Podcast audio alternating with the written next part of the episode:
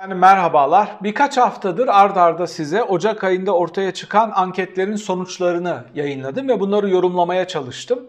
Şimdi bu rakamlardan dışarı çıkarak AKP'nin ve Erdoğan'ın genel stratejisi ne ve muhalefetin genel stratejisi ne olmalı hususunda bir yorum yapmaya çalışacağım. Neden bu yorumu tercih ettim? Neden bu yorumu bugüne koydum? Bugün Erdoğan çıktı dedi ki kendine olan özgüveni, tavan yapmış bir şekilde işte bizim ülkemizi dünyanın en gelişmiş 10 büyük ekonomisi arasına sokacağımız iddiası siyaset kürsüsünden üfürülmüş bir iddia değildir, gerçektir, karşılığı vardır dedi. Şimdi bu özgüven yani iflas ederken, borç bulacak yer alamaz, bulamazken, nakite çevirebilecek ne varsa nakite çevirip satıp işte bir baskın seçime hazırlık yapmaya çalışırken ve bir önceki seneki rakamları bile koruyamazken her sene %50 %30 enflasyonda kurda geriye giderken bu özgüven patlamasıyla Erdoğan'ın sahneye çıkıp kitlelere bu cümleleri kurabilmesini açıkçası takdir etmesem de çok hoşuma gitmese de bir yandan bir yandan altını çizerek betimleyerek yorumlamamız gerekiyor. Neden? Çünkü ortaya somut bir done ve somut bir veri ve bir söylem koyuyor. İşte bu veriler üstünden hem Erdoğan'ın hem de muhalefetin yol haritasını özetliyorum.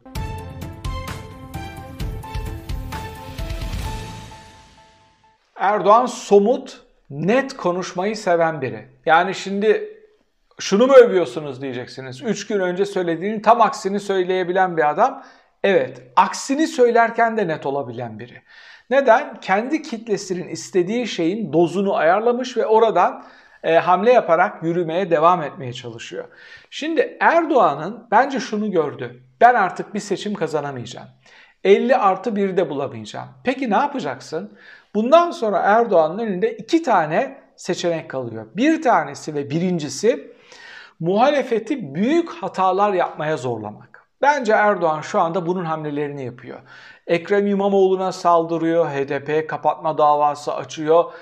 Farklı farklı şekilde Kürt sorununu kaşıyacak hamleler yapıyor. Öcalan'ı konuşuyor. Öcalan'ın ağzından konuşup Demirtaş'ı yerden yere vururken iki gün sonra kalkıyor, üç gün sonra sınır ötesi harekat yapıp Suriye'deki işte Kürtleri, PKK'yı, YPD'yi neyse ne bulduysa bombalıyor. Tüm bunların bir amacı var. Muhalefeti yan yana gelemeyecek şekilde ayrıştırmak, birbirine düşürecek şekilde hamleler yapmak. Erdoğan'ın bir numaralı stratejisi bu. Bence muhalefet içinde ona çalışabilecek hem potansiyel olarak strateji yoksunu hem de potansiyel olarak Erdoğan'la işbirliğine açık bazı siyasilerin olabileceğini de düşünüyorum. Bilgim yok. Bana verdikleri fotoğraf, bana yansıttıkları kare bu şüpheleri, bu şüphelerle gidişatı yorumlamama neden oluyor. Peki, buraya kadar iyi kötü zaten biliyoruz. İkinci seçeneği ne?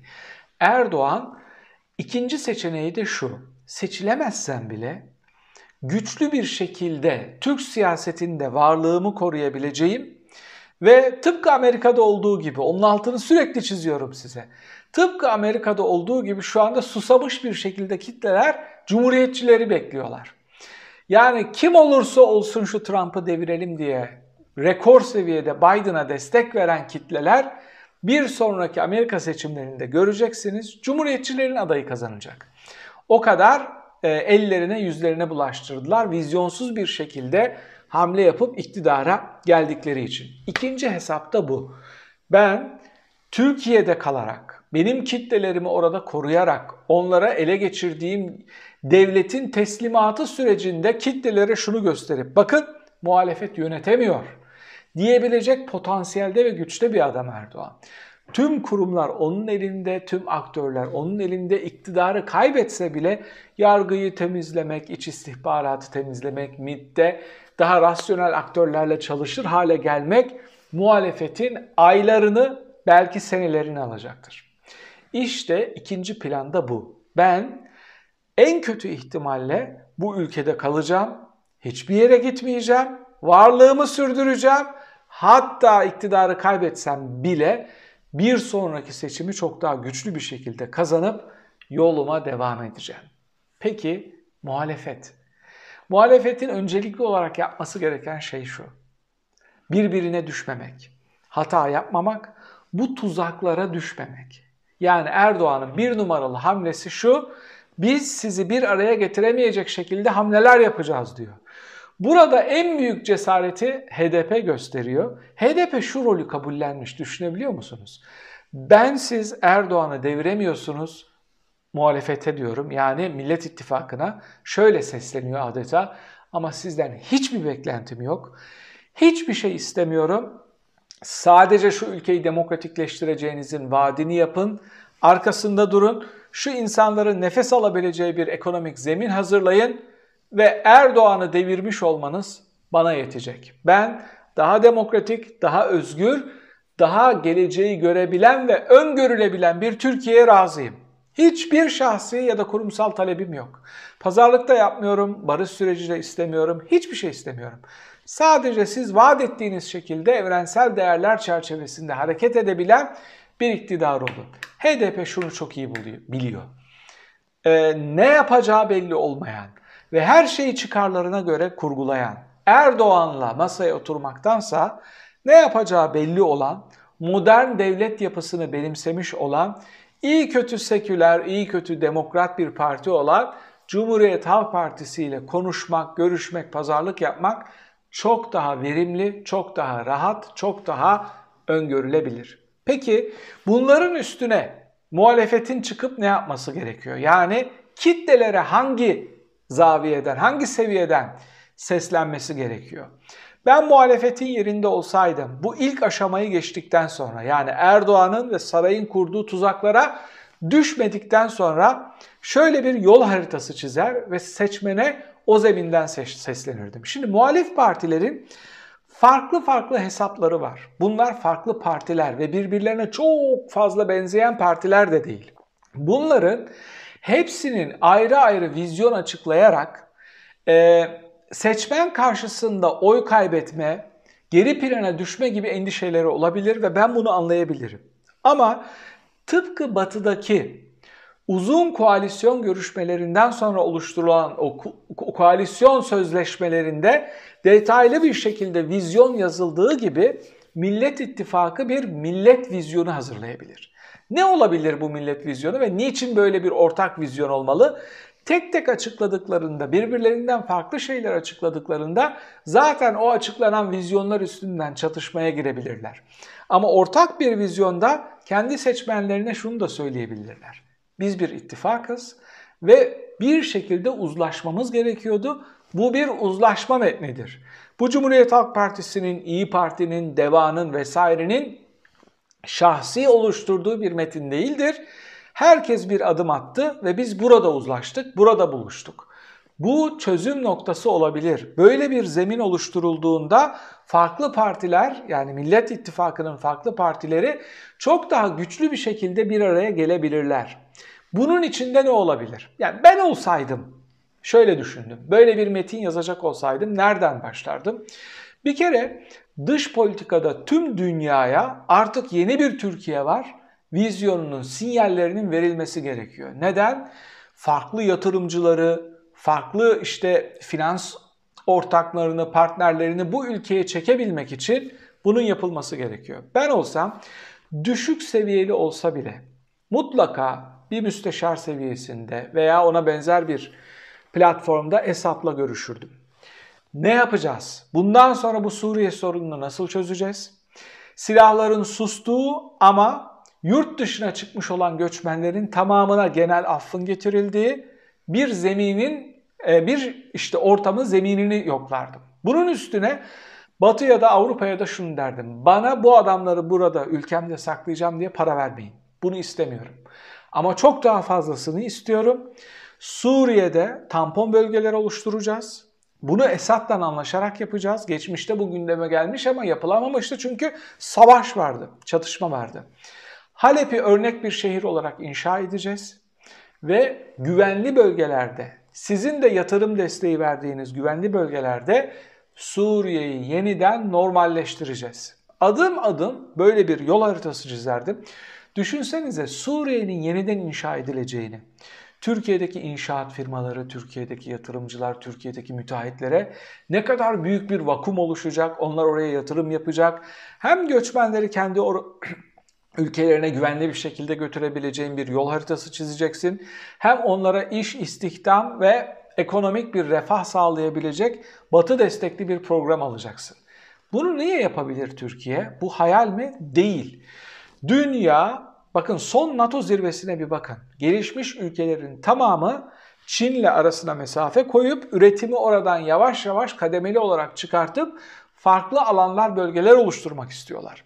Türkiye komşularla sıfır sorun politikasına dönse ve onlara dese ki bakın Çin'in kaybedeceği bu yatırımı biz alacağız. Ben bir Avrupa Birliği üyelik müzakereleri sürdüren, tam üyelik opsiyonu olan bir ülkeyim ve sıfır sorun ekseninde birbirimizle konuşmaya, birlikte üretmeye, birlikte satmaya ve bölgesel bir ekonomik işbirliği oluşturmaya devam edeceğiz ve Avrupa Birliği'ne çok güçlü, hemen onun dibinde, yakınında hem güvenli, hem uygun, hem kaliteli, hem de çok hızlı mobilize olabilen bir ekonomik alternatif sunacağız. Evet, Çin'in alter biz Çin olmayacağız. Biz Avrupa Birliği'ne entegre ve Çin'e alternatif arıyorsanız işte onu burada oluşturabileceğimiz bir zemin oluşturacağız diyebilir. Bunun üstüne turizm hamleleri gelebilir. Peki bunun başarılı olma şansı sadece Çin'le mi endeksli? Hayır.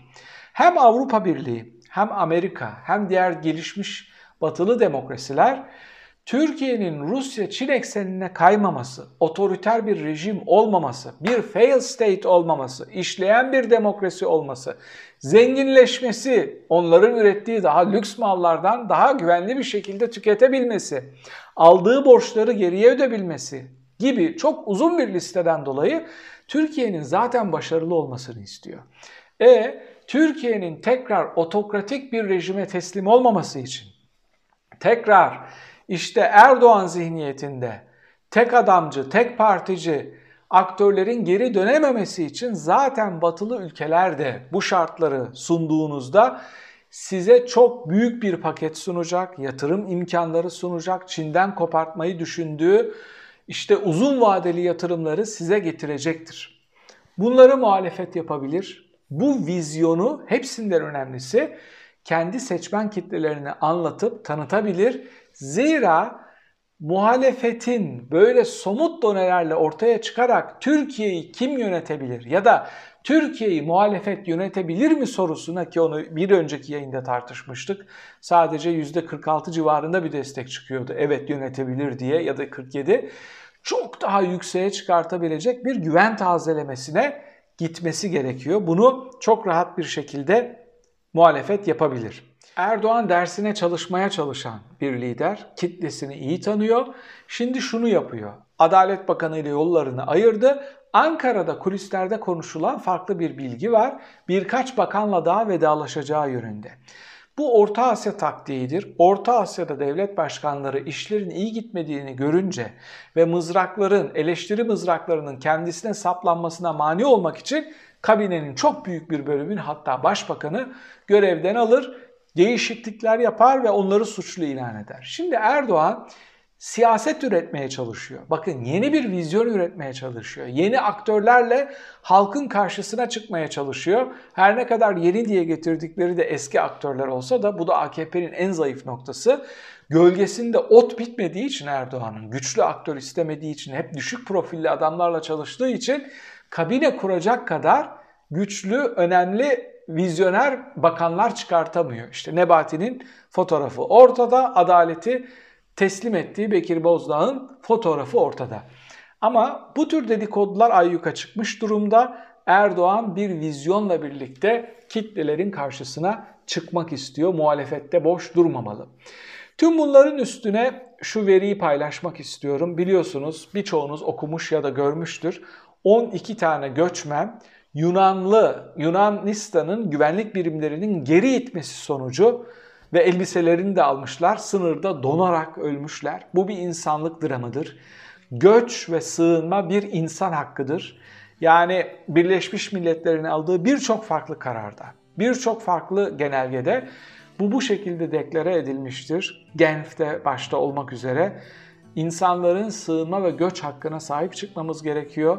Onlar rahat ve huzur içinde oldukları için ülkelerini terk etmediler. Hele hele onları böyle ölüme terk edecek veya da terk eden olaylara sert tepki vermemiz gerekiyor. Metropol verisiyle yayınımıza son verelim. Metropol yaptığı saha araştırmasında elektrik zammını sormuş. Bu zamlar beklediğinizin üstünde miydi yoksa altında mıydı diye Türkiye'nin %79'u beklediğimizden yüksekti demiş. Sadece %13'ü beklediğimiz kadardı demiş.